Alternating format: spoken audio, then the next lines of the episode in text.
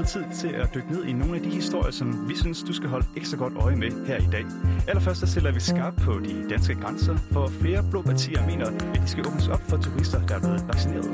Og så skal det altså handle om en opholdstilladelse. Den skulle egentlig være blevet sløjfet, men som nu er under behandling. Og det betyder altså, at to iranske drenge alligevel kan få deres eksamensbevis. Og til sidst der tager vi kig på nogle af dagens avisforsider. Din hverdag i dag, det er mig, Lukas Bjerg, og med mig der har jeg Nanne Mille Nielsen. Velkommen til dagens nyheder. Og vi starter som sagt med at dykke ned i spørgsmålet om, hvorvidt de danske grænser skal åbnes op. Hvad tænker du, Nanne Mille? Synes du, at det er sådan en god idé, det her med, at vi åbner op, så turister de igen kan komme til Danmark? Vi ved, øh, at det, her, så det... det er sådan en branche, der er ret hårdt ramt af corona, må man sige. Ja, ja, men øhm, det er et godt spørgsmål. Det føler jeg mig faktisk ikke kvalificeret til at svare på, men min umiddelbare tanke, der kan jeg da godt mærke, at jeg sådan, øh, nej, hvis vi engang sådan rigtig kan bevæge os rundt, er det så ikke mærkeligt at invitere andre ind? Ja, det kan man sige, ja. Jeg ved i hvert fald, i hvert fald så står der en helt kavalkade af blå partier klar til at byde turister velkomne til Danmark igen. De er ret opsat på, at de skal komme, de her turister. Mm. Og har du bud på, sådan, hvem præcis inden for en blå, blå blok det her det kunne være? Øh, Øh, nej, jeg kunne jo have læst forud i manus, men det har jeg ikke gjort, så vi kan få en mere autentisk samtale. Men nej, det ved jeg faktisk ikke, hvem kunne være. Okay, så lad, lad os tage det fra en ende af. Først der har vi konservative, som der kom med et forslag om, at udenlandske turister de skal kunne komme til Danmark, hvis de altså, vel og mærket, er blevet vaccineret. Og det her forslag, det støtter flere partier nu op om, hvis det altså kan dokumenteres, at de her rejsende, de faktisk er blevet vaccineret. Venstres erhvervsordfører, Torben Schack Pedersen, han siger for eksempel sådan her. Der er altså rigtig mange, der har svært med at, at vente mere. Øh, og hvis vi skal sørge for, at et erhverv, der beskæftiger over 100.000, at de kommer øh, igennem en corona, jamen, så kan man ikke bare blive ved med at vente. Altså øh, virksomhederne bløder øh, økonomisk, og for hver dag, der går, jo værre er det. Så hvis der også skal være en, en turisme- og oplevelsesindustri øh, på den anden side af, af corona, jamen, så, så haster det med at komme i gang. Og, øh, og her øh, mener jeg, der er tale om øh, forslag, som, øh, som sikrer en høj grad af øh, tryghed omkring vores øh, sundhedssituation. Det er jo ikke bare at lukke øh, porten op på, på fuld gab. Det er jo sådan set at gøre det på en kvalificeret og ansvarlig måde, og det mener jeg simpelthen, der er brug for.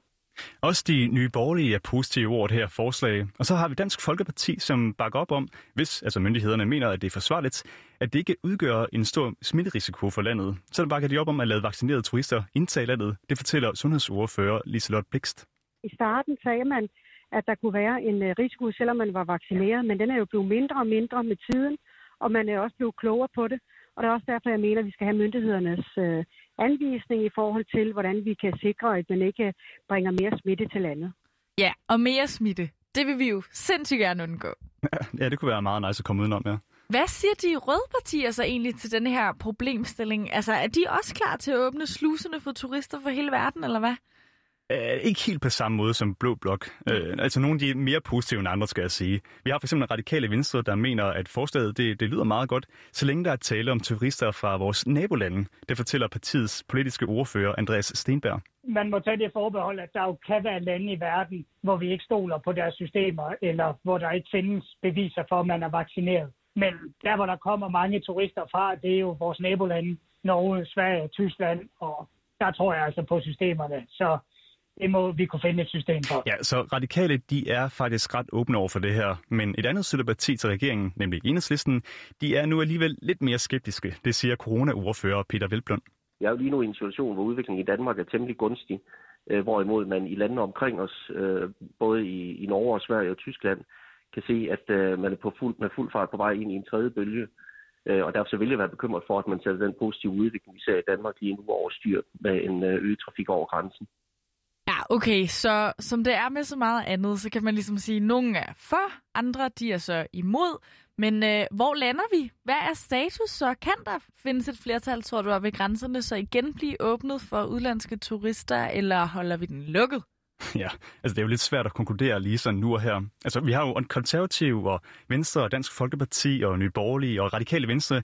De har ikke nok mandater til at kunne trumfe det her igennem. Men der er jo stadig en del partier, som ikke har taget stilling til det her endnu. Og det er faktisk også først på tirsdag, at partierne de bag den her genåbningsaftale, de skal drøfte, hvordan alle de her rejserestriktioner, de skal se ud fremover. Og ifølge Udenrigsministeriet, så vil der komme en melding på det, i hvert fald inden den 15. april. Ja, og så til noget helt andet. Lukas, har du hørt historien om familien Sharaki? Ja, faktisk. Altså, vi havde lidt om det i nyhederne her tidligere i dag. Det er mm. en ret vild historie, må man sige. Det er det, og det er altså også, øh, ja, det er ikke første gang, hverken vi øh, taler eller hører om den, men den her familie Sharaki her, de havde faktisk booket billet til Iran i dag, for de var nemlig blevet udvist af Danmark og skulle så senest være ude i morgen. Men nu der har de altså alligevel fået lov til at blive, i hvert fald indtil deres klagesag er blevet behandlet. Og det er selvfølgelig noget, det glæder familien og vores kollega Laura Brun. Ja, hun har taget en snak med en af familiens to sønner, Erfan Sharaki. Vi blev meget glade. I, i starten kunne jeg ikke altså, jeg, jeg troede på det. Det var, det, det var utroligt. Det er noget af en rutsjebanetur, som familien Sharaki har været på den seneste måned. Først fik de at vide, at de skulle forlade Danmark den 4. april, og med flybilletterne klar og kufferterne pakket, så får de at vide i den her uge, at de alligevel kan få lov til at blive i Danmark, mens deres sag bliver behandlet. Det er jeg allermest glad for, er, at jeg kan slutte øh, 9. klasse og gå op i de eksamener, og jeg kan sige en ordentlig farvel til mine venner øh, når vi afslutter folkeskole. Det er jo sådan afslutning af noget, vi har begyndt på, og jeg vil være meget øh, ked af det, hvis vi ikke kunne øh, afslutte det, vi startede. Lad mig lige rige sagen kort op. Tvillingerne Erfan og Ashia starter i august 2016 i skole her i Danmark. For deres far havde nemlig søgt om en særlig opholdstilladelse for læger og fået midlertidigt ophold med familien her i landet. Men for at få lov til at behandle patienter i Danmark, så skal han altså bestå en dansk sprogtest både skriftligt og mundtligt. Faren han får karakteren 10 i mundtligt dansk og 4 i skriftligt dansk. Men det er ikke nok, fordi reglerne siger nemlig, at man minimum skal bestå skriftligt dansk med et syvtal. Og derfor så får familien altså et udrejsebrev den 4. marts. Nej, forfærdeligt altså, fordi jeg har jo været her i fire år. Fire øh, år af min teenageår. Og det er jo der, man vokser som udgangspunkt ville familien gerne have forlænget deres opholdstilladelse til sommer, så Erfan og Ashia i hvert fald kunne få deres eksamensbeviser fra 9. klasse. Derfor så sendte de et klagebrev til Udlændingsstyrelsen, som altså nu er under behandling. Men de var ikke enige om at gå ind i den her kamp. Nu står vi her for uger inden folkeskolens afslutning, hvor vores bedste venner skal sendes hjem på rekordtid. Vi kan ikke få lov til at sige farvel, fordi coronakrisen hersker. Sådan her lyder et åbent brev til politikerne, som Selina Holmgaard Mathisen læser op på vegne af alle elever på 9. årgang på Valensbæk skole. Og lærerne har altså også sendt et brev direkte til udlændingeministeren, fortæller Frank Meier. Faren er kommet herop for, fordi han gerne vil praktisere sin lægegærning herop, øhm, og det står og falder med det. Så er der så to børn, der kommer hårdt i klemme nu, ikke? Og så mener jeg, at de her to drenge skal have lov til at, at øh, afslutte deres FSA-eksamen øh, som det mindste. Og FSA-eksamen, altså folkeskolens afgangsprøve, får de altså nu lov til at afslutte. Og faren, ja, han kan igen få dansk undervisning, som ellers har været meget begrænset her under corona. Og ja, hvis min far, øh, når min far består øh, de, dag, øh, de danske eksamener, så får han lov at øh, gå op i de medicinske eksamener, så bagefter må han godt arbejde som læge. Så, så får vi øh, opholdstilladelse, sådan permanent opholdstilladelse. Og fremtidsdrømmene, de sømmer igen her i Danmark. Mig og min bror, vi skal til HTX, og ja, den 9. april, så får vi øh, at vide, om vi har fået reserveret en plads eller ej. Åh, oh, sådan et indslag her, det kan man altså kun blive glad af at starte dagen på, var? det, det er en meget god måde at starte weekenden ud på også, må man sige. Lige præcis. Og hvis du altså vil høre mere om, hvordan hele Vandelsbæk sko- skole simpelthen stod sammen i kampen om at få Erfan og Ashia til at blive her i Danmark, ja, så kan du altså lytte til et afsnit af vores nyhedspodcast Indsigt. Der kommer lige meget kort self-promo. Du søger bare efter Indsigt, der hvor du finder din podcast, og finder så det afsnit, der blev sendt den 24. marts.